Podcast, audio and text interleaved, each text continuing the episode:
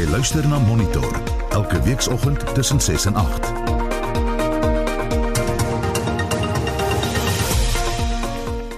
Dis nou 7 minute oor 7 in Monitor talle boere betoog op Henneman in die Vrystaat waar twee verdagtes in verband met die moord op die 56-jarige Pieter Hills en sy seun Eddie in die hof verskyn het.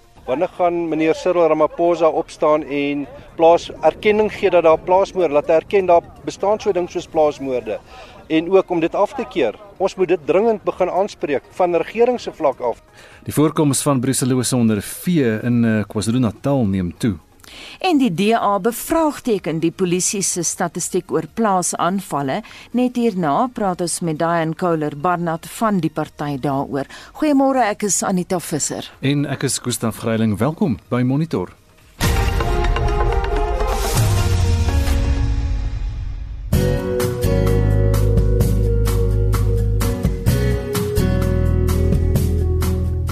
Die reisigersweer vir vandag die 17de November is uitgereik deur die Suid-Afrikaanse Weerdiens met twee geel vlak 2 uh, impakgebaseerde waarskuwings vir ewige donderbuie met skadelike wind, haal en oorstromings in die oostelike dele van die Oos-Kaap asook die suidelike gebiede van KwaZulu-Natal.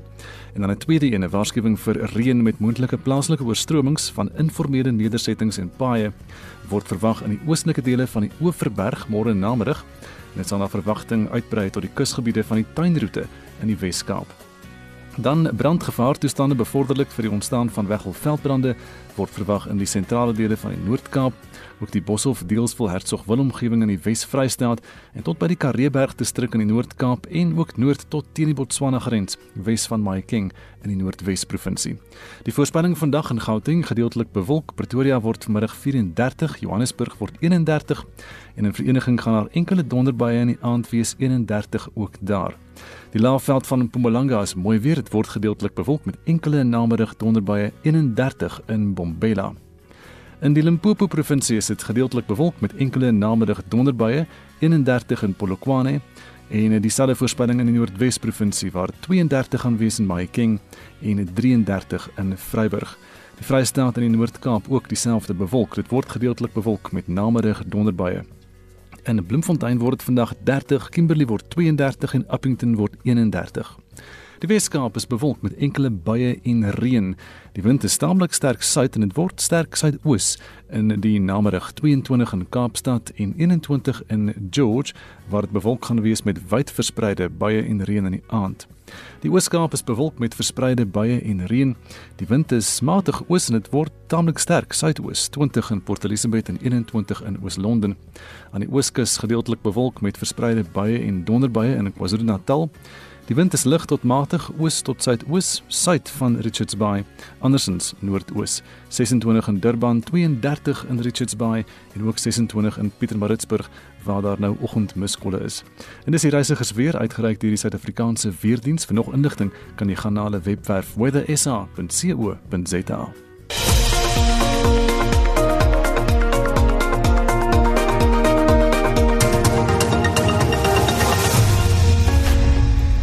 Die twee beskuldigdes in die moord op die 56-jarige boer Pieter Hills en sy 23-jarige seun Eddie het hulle aansoek om borgtog laat vaar. Patrick Bochedi en Mojafela Modise word daarvan beskuldig dat hulle 'n week gelede die boer op sy plaas Swartpan doodgeskiet en sy seun doodgesteek het. Die saak is tot 9 Desember uitgestel. Tientalle boere het op Henneman buite die Landdroshof saamgekom reeds voor die twee beskuldigdes se verskyning in die hof. Die 36-jarige Bochedi en 38-jarige Modise staan tereg op aanklagte van moord, roof en sameswering om te roof. Die polisie het 4 mense na die aanval gearresteer. Een is in sy sel aangetref waar hy gehang is en nog 'n beskuldigde is vrygelaat weens 'n gebrek aan bewyse. Die boeregemeenskap wil hê geregtigheid moet seëvier. Ons wil graag hê al die mense moet by mekaar staan, maak nie saak wie vel kleure wat nie, net solank ons kan een wees en in vrede en harmonie kan bly en hierdie plaasmoorde kan stop asseblief. Dieselfde ek vra. Ja, ek is Hoe kan ek sê in vrede vir ons land? Dit maak nie saak watter ras dit is nie. wil nie bloedbad hê nie. Ons wil net saam staan. Ons wil hê Ramaphosa moet sy oë oopmaak. Hy's 'n goeie president. Hy kan 'n goeie president wees vir ons, maar ons wil hy moet kyk. 'n Aktivis, Pakamile Sito, sê president Cyril Ramaphosa moet self kom kyk hoe dit gaan. Let me tell you, we are going to be like Zimbabwe one of the day. That's why I'm here to stand for our people. That's why I'm here to stand for our right, our economy. That's why I'm saying that, Mr. President, please come forward. And don't be afraid. Don't be afraid because I know you want some of you are going to use the poor people to vote for you next year. Kali Roo van die organisasie Unite Against Farm Murders voel ook die regering moet 'n sterker standpunt teen plaasaanvalle inneem. Vandag is ons weer hier by Henneman waar weer twee plaasboere wreedaardig vermoor is. Die hoeveelste weer na Senekal en dit lyk nie of dit ophou nie. Meneer Beketchele was hier gewees en het met die gemeenskap gepraat en gesê hy gaan uh, by Senekal gaan hy weer terugkom. Na 3 weke hy teruggekom, langer as 3 weke en hy het gesê dat hulle nou vee diefstal as ekonomiese misdryf gaan hanteer. Maar my vraag is wat van plaasmoorde? Wanneer gaan plaasmoorde aangespreek word? Ons plaasboere word nog steeds wreedaardig vermoor. En my volgende vraag is aan meneer Cyril Ramaphosa die president. Wanneer gaan meneer Cyril Ramaphosa opstaan en erkenning gee dat daar plaasmoorde, laat erken daar bestaan so ding soos plaasmoorde en ook om dit af te keer. Ons moet dit dringend begin aanspreek van regering se vlak af sodat ons nie by 'n henneman en by 'n dorp kan staan waar ons in solidariteit met die familie staan en met al die plaasboere wat wreedaardig vermoor is en 'n gebed doen en ook om borg te opponeer maar nie net om borg te opponeer, maar ook toe te sien dat indien hulle gefonnis word, dat hulle nie op parol vrygelaat word nie. Want kyk wat het gebeur in Viljoenskroon. Hy is op borg vrygelaat vermoor net om weer moord te pleeg. So ek dink die situasie met plaasmoorde moet dringend aangespreek word. Die twee beskuldigdes regsverteenwoordiger, Tebogo Mokele, sê hy het hulle aangeraai om met hulle borgtog aansoek te wag. After consultation with my clients, and we decided that there are certain information that we need to verify first, which would be important with regard to their bail applications. Because of that, that's why we decided that the best option is to abandon bail now so that we can verify that information and later on then we can make arrangements for them to be a requisition for a formal bail application. Die woordvoerder van die nasionale vervolgingsgesag in die Vrystaat, Baladi Chopin, sê die ondersoek gaan voort. Look, once there's an investigative process underway, we cannot rule out the possibility of more people being arrested. As you are aware that the offense was allegedly committed just a few days ago, so there's a lot of investigations that is outstanding. So we cannot rule out the possibility of more people being arrested. Daar was 'n groot polisie teenwoordigheid by die hof. Hierdie bydra van Apumelele Mdlalane in Henneman en ek is Hendrik Martin vir SAK nuus. Dis nou 16 minute oor 7 en die DA bevraagteken die korrektheid van die kwartaallikse misdaadsyfers oor plaasaanvalle wat die polisie verlede week bekend gemaak het. Die party sê die werklike syfer is veel hoër en ons hoor van baie van ons luisteraars vanmôre baie van die terugvoer wat inkom van ons luisteraars af oor hierdie kwessie. Kom ons hoor gou wat sê van hulle. Ek boer hier in Grabouw in die Wes-Kaap. Ons loop deur onder misdaad wat jy nie kan glo nie. Kabeldiefstal, krane word gesteel, uh, enigiets wat jy buite los, leere en so dit word gesteel. Daar is gevalle waar die polisie nie hierdie sake wil vat nie. Ek het persoonlik al diefstal sake wat hulle nie wou oopmaak nie. Nadat ek die stasiebevelvoerder gesien het, kan ek hierdie staak oopgemaak kry nie. Maar in elk geval nadat sake gemaak is, word dit goed nie ordentlik ondersoek nie. Die polisie het nie die kapasiteit en vermoë om hierdie sake ordentlik te ondersoek en uh, na te volg nie. Daar gebeur net niks met die misdadigers nie. Hulle kan net voortgaan. En as jy van jou kant af enigiets doen, dan word jy aangekla van aanranding, poging tot moord en allerlei sulke tipe dinge. Ek is Johan van Montetjie. Ek het gister 'n soortgelyke geval waar ek 'n klag wou gedien by die polisiestasie. En nou, uh, aboutjie wegbewys, hulle gaan na jou toe terugkom, hulle gaan na jou terugkom, hulle vat die gegevens Maar as jy nou die reg in jou eie hande neem vir die een wat my goed gesteel het en ingebreek het, dan is hulle baie gehou om vir my te kom arresteer. Susan van Groot Mariko. Ek het 'n tyd terug 'n ding gehad van brandstigting en Ongelukkig wou niemand daar by die polisiestasie iets daarvan weet nie. Jy maak met baie moeite 'n saak oop want die wet vereis jy met 'n saaknommer hê vir elke geval van brandstigting. Maar julle die polisie is nie opgewasse vir dit wat ons van hulle verwag nie. Dit dan terugvoer van ons luisteraars. Ons praat nou met die DA se skare minister van staatsveiligheid, Diane Kohler Barnard. Goeiemôre. Môre môre. Dan jy het nou geluister na wat ons luisteraars sê. Wat is jou reaksie daarop? It's absolutely spot on. Look, over the past number of months, the Democratic Alliance has been receiving numerous reports from farming communities across the country who have been turned away from the SAP stations, as they were saying. They were refused the right to open a case. But if we look at actual murder statistics from other entities, other research institutes, they're talking about nine murders in July, nine in August, and six in September. Now you add that up, and we're talking a number that bears no relation at all to to what the SAPs are saying. Hoekom dink julle Ja. Hoekom dink julle is die polisie se syfer so laag as die werklike syfer? Is dit net die kwessie van die stasie en, en die dossiere wat nie oopgemaak word nie? Well, they're saying there were 10 murders. The the reality is there were at least 24 murders.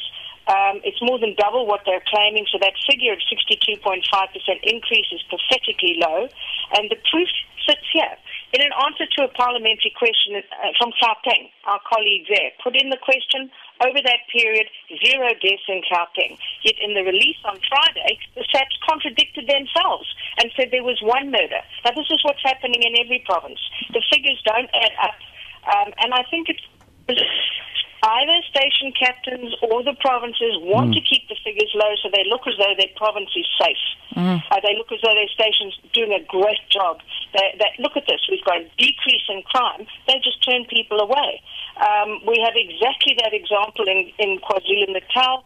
Um, uh, farm residents being turned away when they attempted to open a case. The farm manager was beaten almost to death, mm. managed to escape, passed out in his truck, is in intensive care, and the SAPs from Donnybrook say, oh no, we'll only open a case when he comes in and lays the charges. Mm-hmm. So, what? Uh, it, it is ridiculous. It is not service. Are they waiting for him to die? Maybe zero sense of urgency, and those perpetrators are going to disappear. Perhaps they'll go the same route the Bashiris took to Malawi. We don't have any borders, so no South African is kept in and no illegals kept out. Hmm. We don't know where they will be. Dan sou jy van ons luisteraars kon help, sou hulle persoonlik met jou kontak kon maak dat jy van daai sake ten minste verder voer vir hulle of namens hulle? Absolutely, that's exactly what we're doing. We have provincial heads of our rural uh, safety group. Uh, it's a whole work stream with one head in each province, and they're gathering information. They help people through the police processes and the court processes.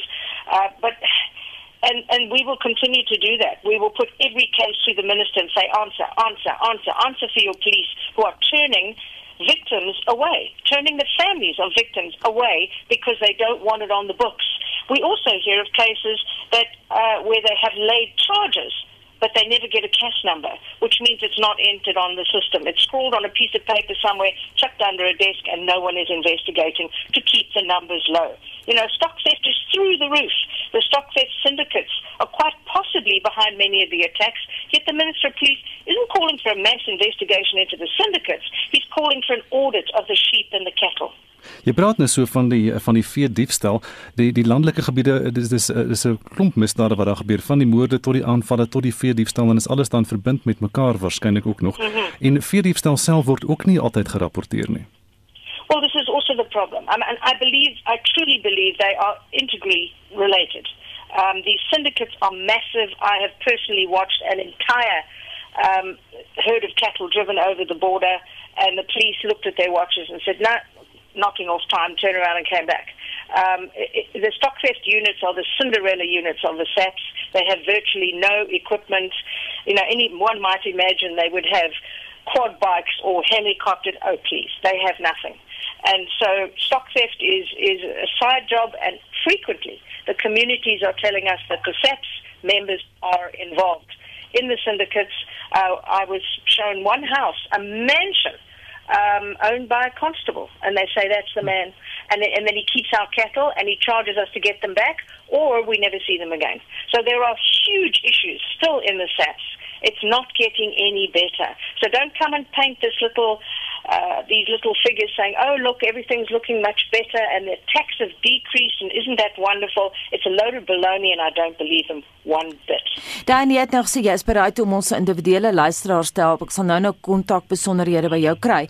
Maar in terme van om hierdie saak op nasionale vlak verder te voer, hoe werk julle protokol? Kan jy byvoorbeeld oorhoops gaan direk na die president toe en sê ons het 'n probleem hier? Of hoe is jou verhouding met die minister van polisie? Well, no, I don't talk to the minister. I talk to the National Police Commissioner, the real police officer. And uh, I send, once I get a case number, I send the case number to him and I say, I want an update on this case. And I will get an update on that case because he then contacts the province and says, give me an update. Now they're caught out because there's a problem. And that's how one catches them. Um, and so list after list after list of case numbers will be going through. I've already done it before, and it causes them huge headache and heartache, and I don't care. They must do the job they're paid to do. So a raft of questions are going through today um, about this matter, and anyone with a case number or a case that is not being uh, attended to by their local SAPs must simply tell one of the heads of the, the DA work stream, and we will collate all of it and send it to, through to the minister. But I'm going to ask him specifically, is there an order that has been given from national, from the provinces, from the station commanders, I don't care which level, saying downplay these rural attacks. We don't want to look as though there's a problem in our area. Diana, as jy nou so praat met die nasionale eh, kommissaris van polisie, kan 'n mens nie vir hom vra hoe gaan dit daar by daai klein polisiestasies daar in die plattelandse gebiede in die hoek van die land, lei die brand, Ficksburg, daai plekkies. Daai polisiestasies het waarskynlik nie genoeg geld nie, dit nie genoeg voertuie nie of of of is, is daar 'n probleem met geld in die polisie om dit te kan om hierdie misdade te kan hokslaan?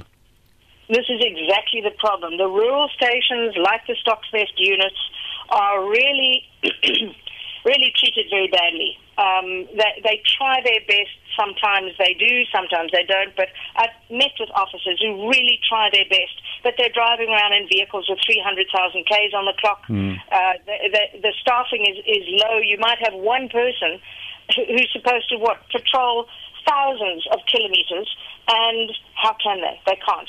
Frequently, they don't even know where the farms are in their own area, and people have to lead them to the farm. How can they not know where each and every farm is?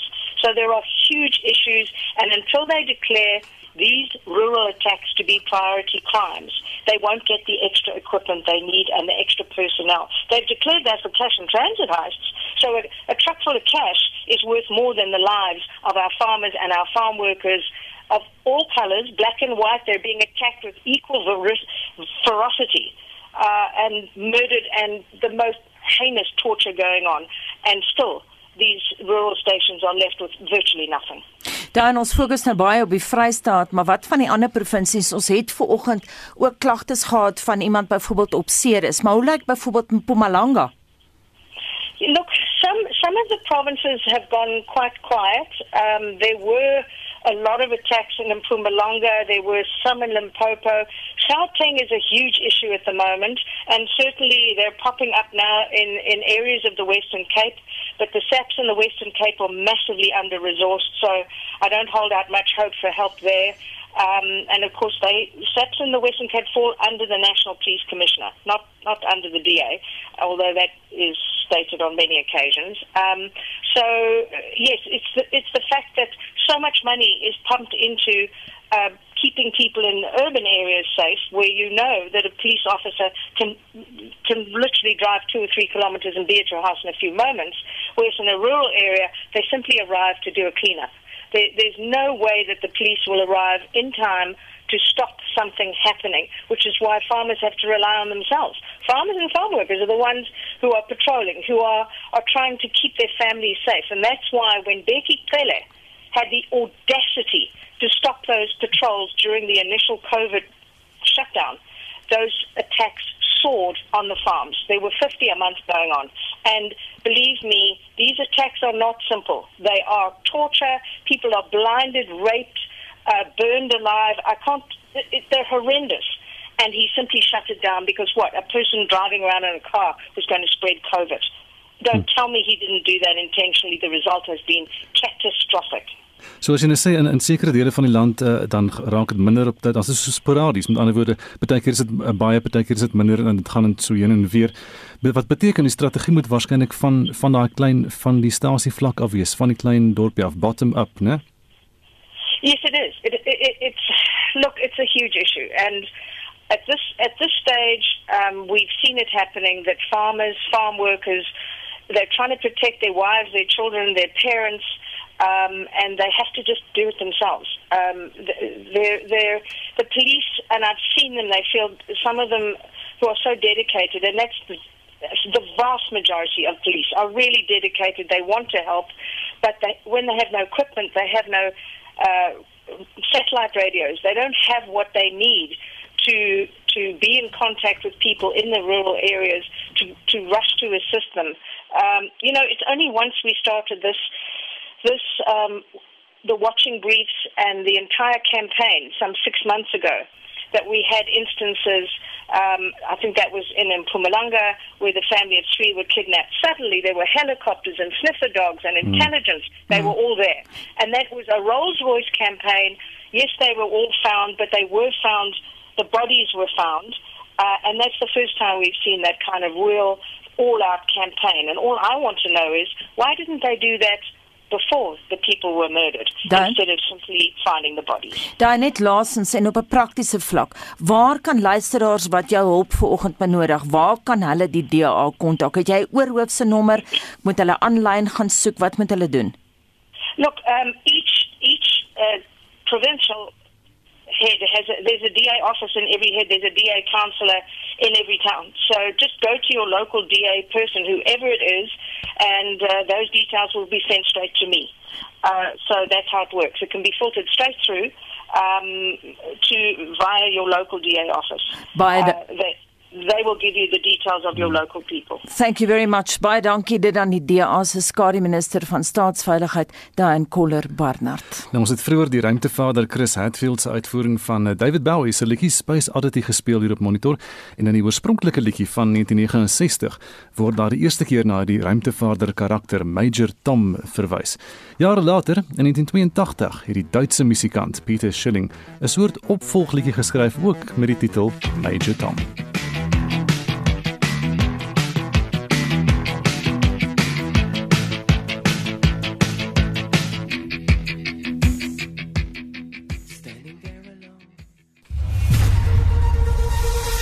Luister na Monitor elke weekoggend tussen 6 en 8.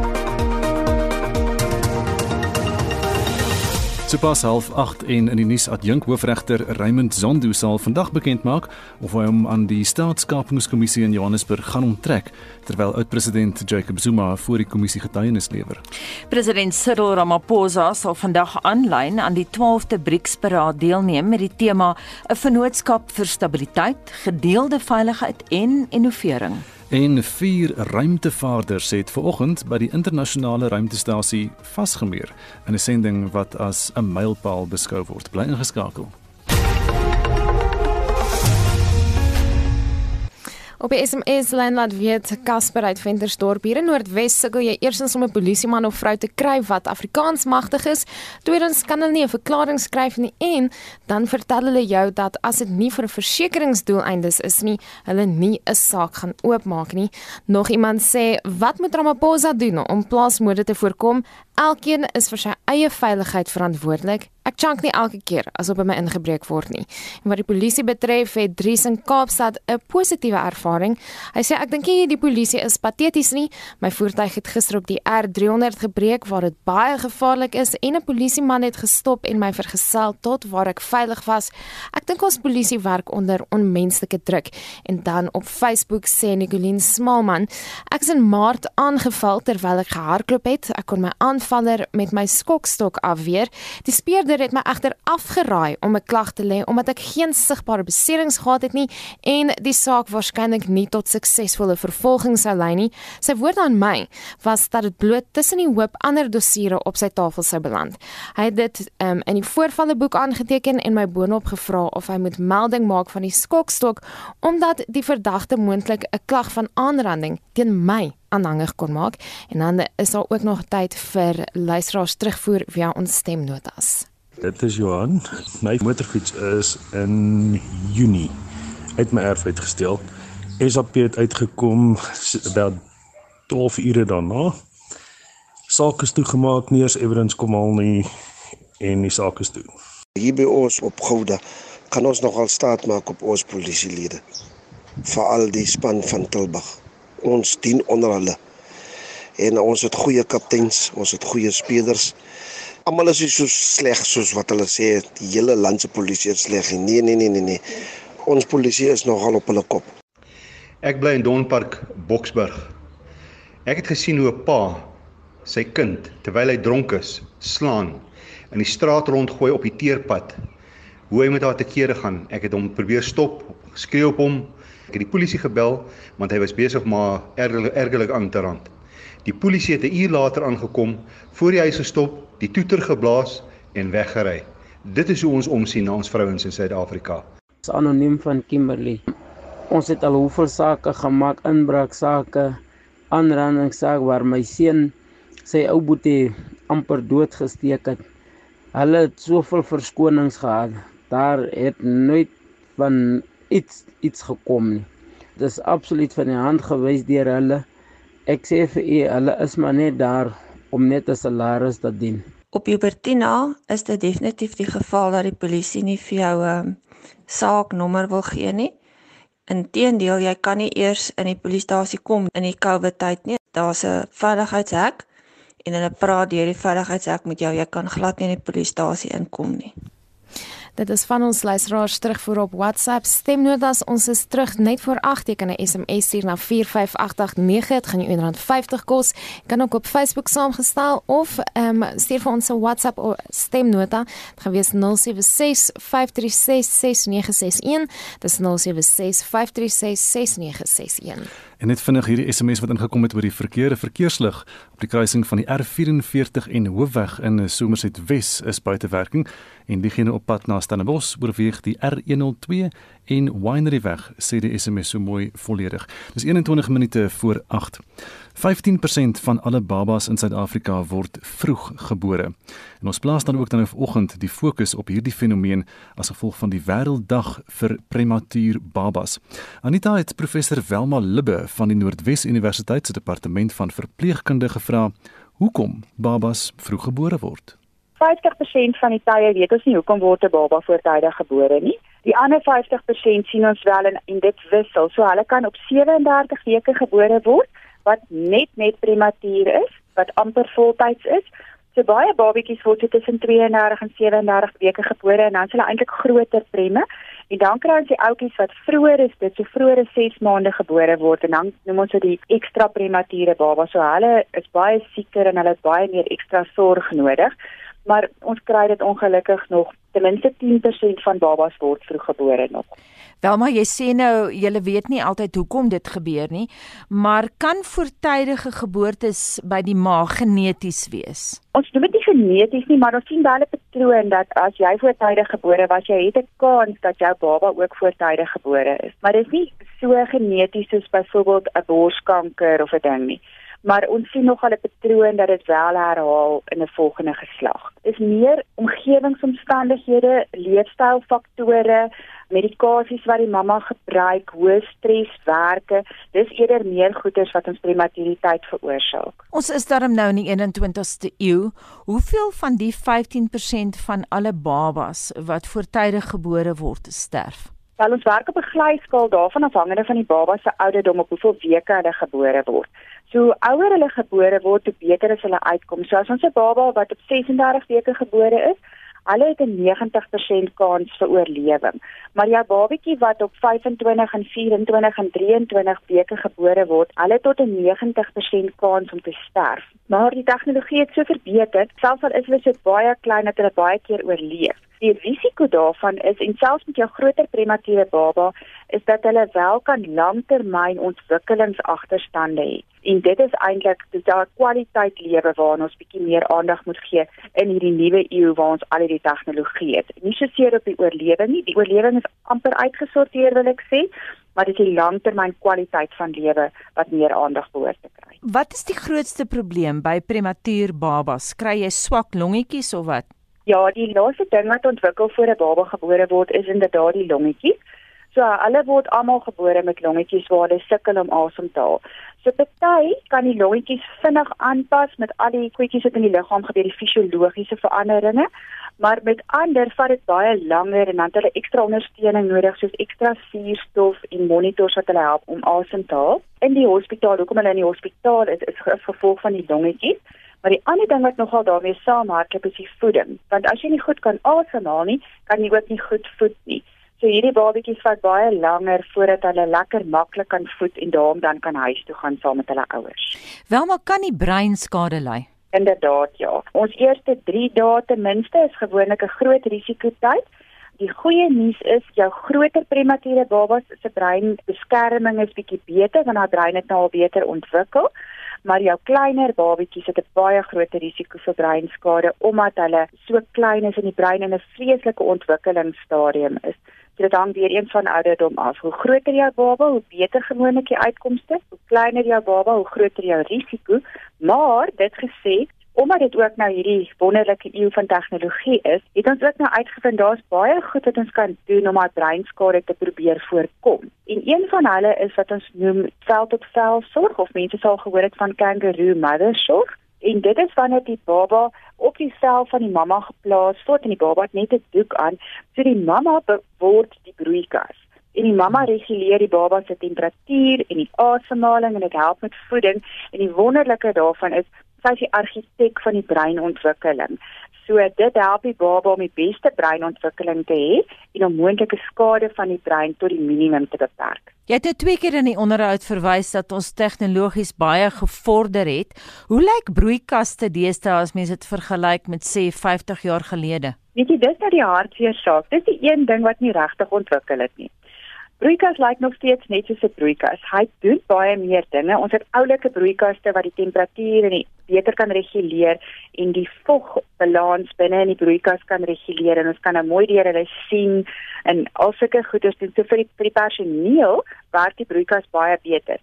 Maar vir die mamma en die baba verkies ons eintlik om steeds nie 'n broeikas te hê nie want dit wat die mamma kan doen in vel tot vel is baie beter as wat die broeikas kan doen. Die mamma kan vinniger optel dat die temperatuur nie lekker reg is nie en dit vir die baba herstel. Hulle werk so saam as 'n een eenheid. En nou kom nou nuwe navorsing uit wat mense baie meer kyk na jou onstabiele baba, want ouer daai baie klein ouetjie wat op sê 28 weke gebore word op 6 maande om hulle eerder te versorg in vel tot vel by die mamma as om hulle dadelik in die broeikas te sit want die vel tot vel gee vir die baba die stabiliteit wat hulle nodig het. So dis 'n een tegnologie, dis my persoonlike opinie wat ek graag uit alle neonatale intensiewe sorgeenhede sou wou uitgooi en die mamma en die pappa 24 uur daar hê om die baba se broeikas te wees. Wat is wêreldwyd die nuwe manier van dink oor prematuur babas?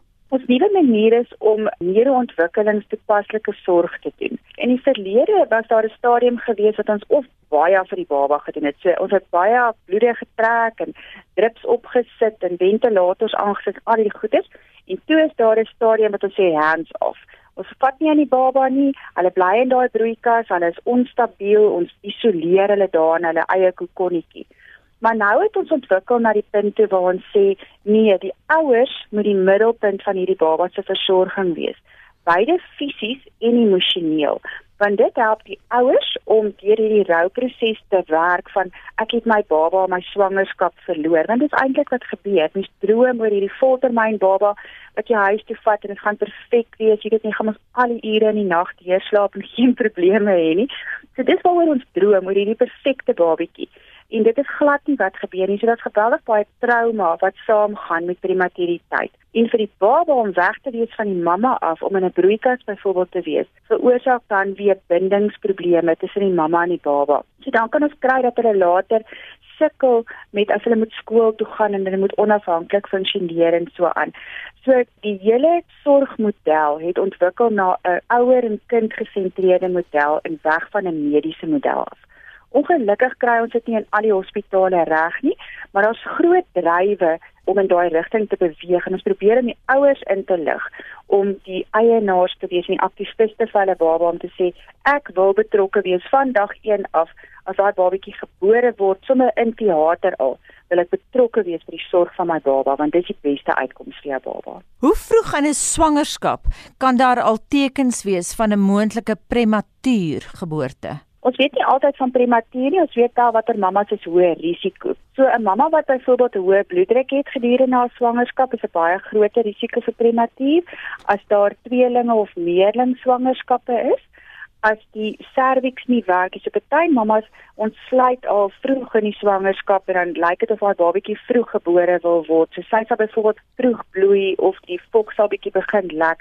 of sy sal vroeg al kontraksies kry, so daai mamma wat op bedrus geplaas moet word en dan mamma met vooraf mediese kondisies soos ehm um, diabetes, suikersiekte of harttoestande, hulle gaan almal ook in 'n risikofaktor of in 'n risikokategorie wees vir babas wat wel prematuur gebore kan word. Dama, jy praat nou van bedrus. Is daar ander maniere om hierdie soort voortydige geboortes te keer? 'n Soort medikasie waarop die maas geplaas kan word? Medikasie is baie spesifiek tot die mamma se mediese toestand, so ons gaan daarna kyk, maar die goeie nuus vir elke mamma wat swanger is, is massering gedurende swangerskap het wel gewys dat dit help om prematuriteit te voorkom. So pappa kan in die aand heerlik elke aand voete masseer en 'n rugmassering doen. Dis definitief iets wat help dat die prematuriteit verminder word en dit gaan oor die hormone wat vrygestel word wanneer mens so 'n aktiwiteit het. So daai goed voel hormone.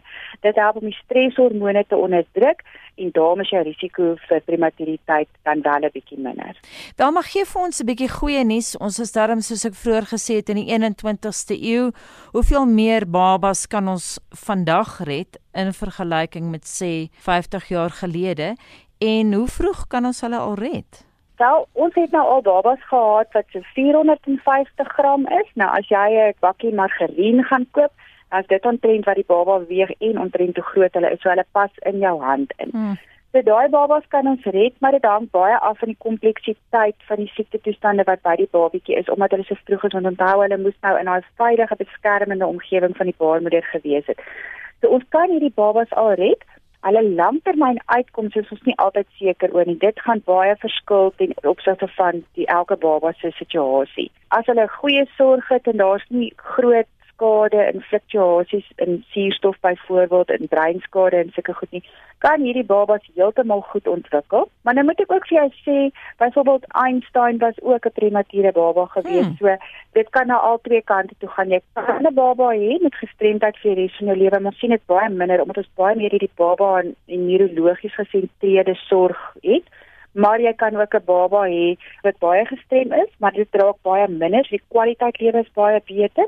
En aan die ander kant kan jy 'n baba hê wat daardeur seil en geen neeweffekte het as gevolg van prematuriteit.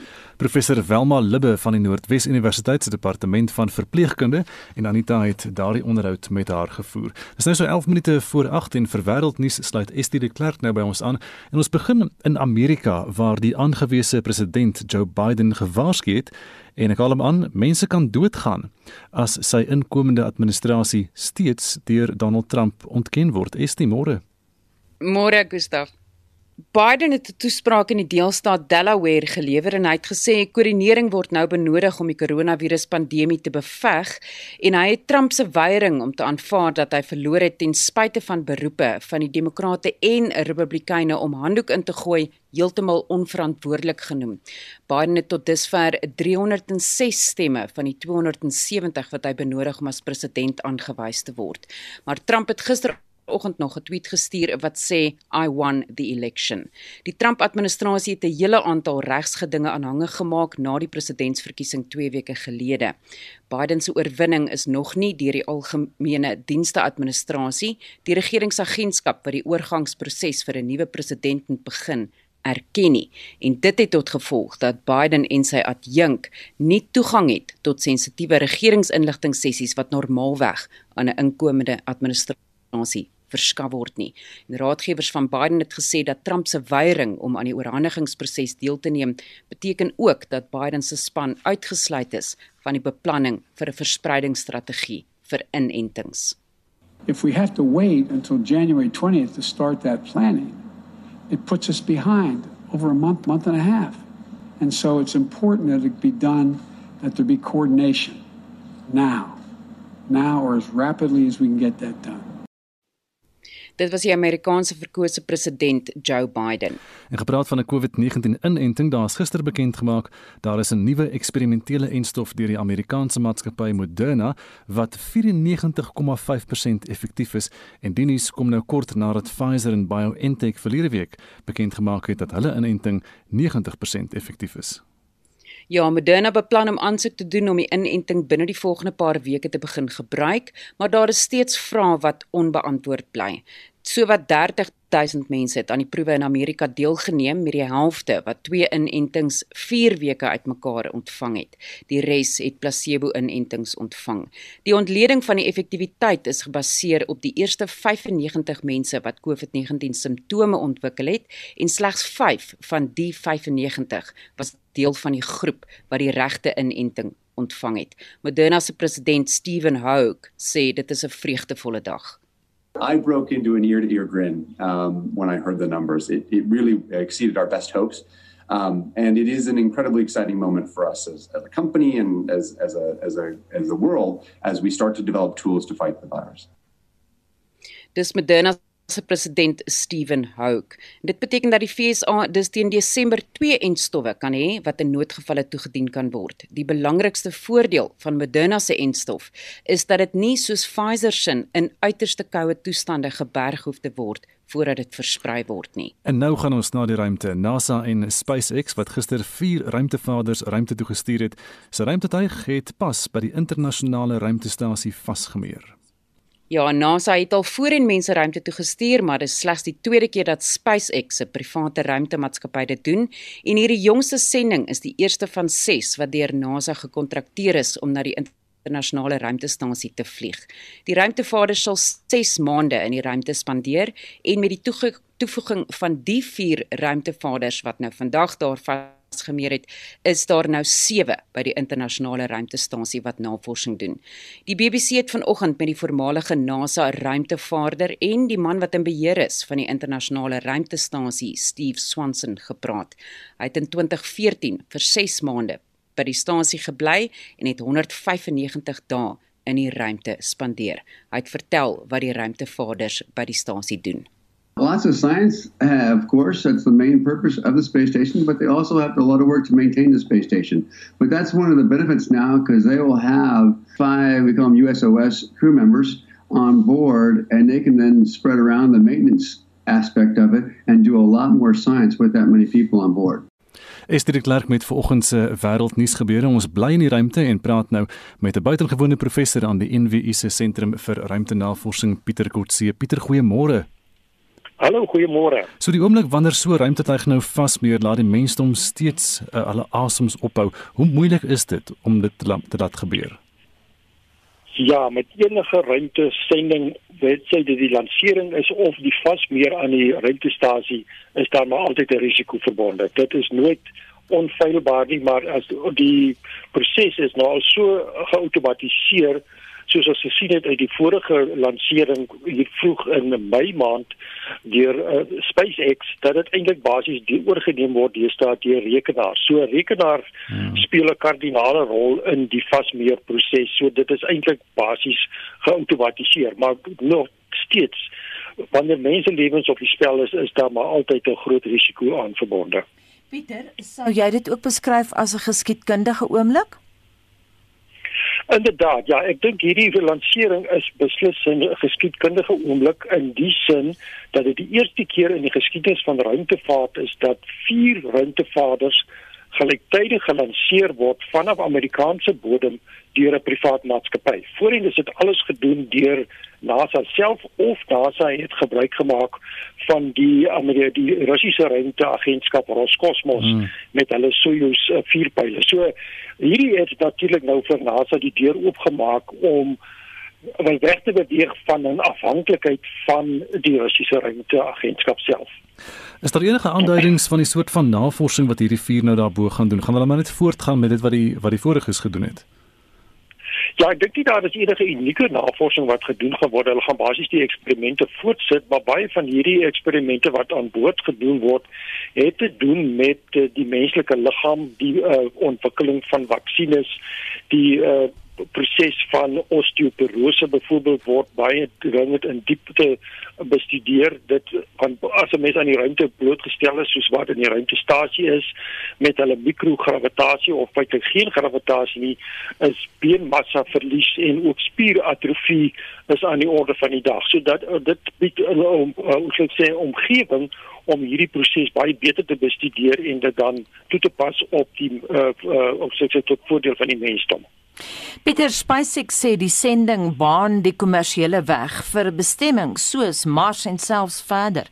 Wat dink jy kan ons volgende verwag?